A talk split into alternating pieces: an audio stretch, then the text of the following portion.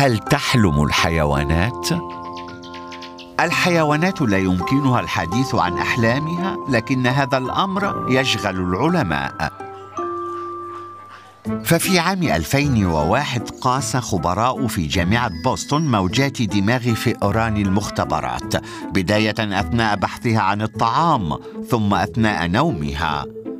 والنتيجة أثناء النوم كان الدماغ نشطا كليا وكذلك عند البحث عن الطعام فقد سلكت الفئران ذهنيا طريقها عبر المتاهة مستعينة بما تعلمته خلال اليوم كشكل من أشكال الحلم.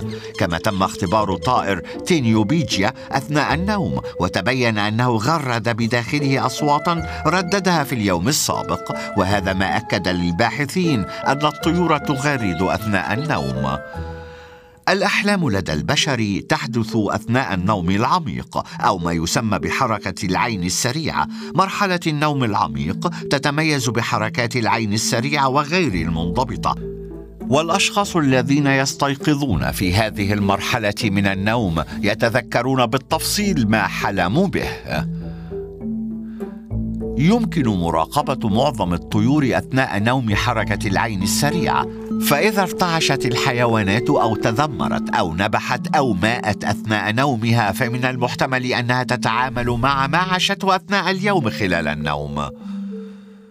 لم تتم ملاحظة الأحلام لدى الثدييات فقط، حتى الأحبار ترتعش عيونها ومخالبها أثناء النوم، بل وتغير لونها.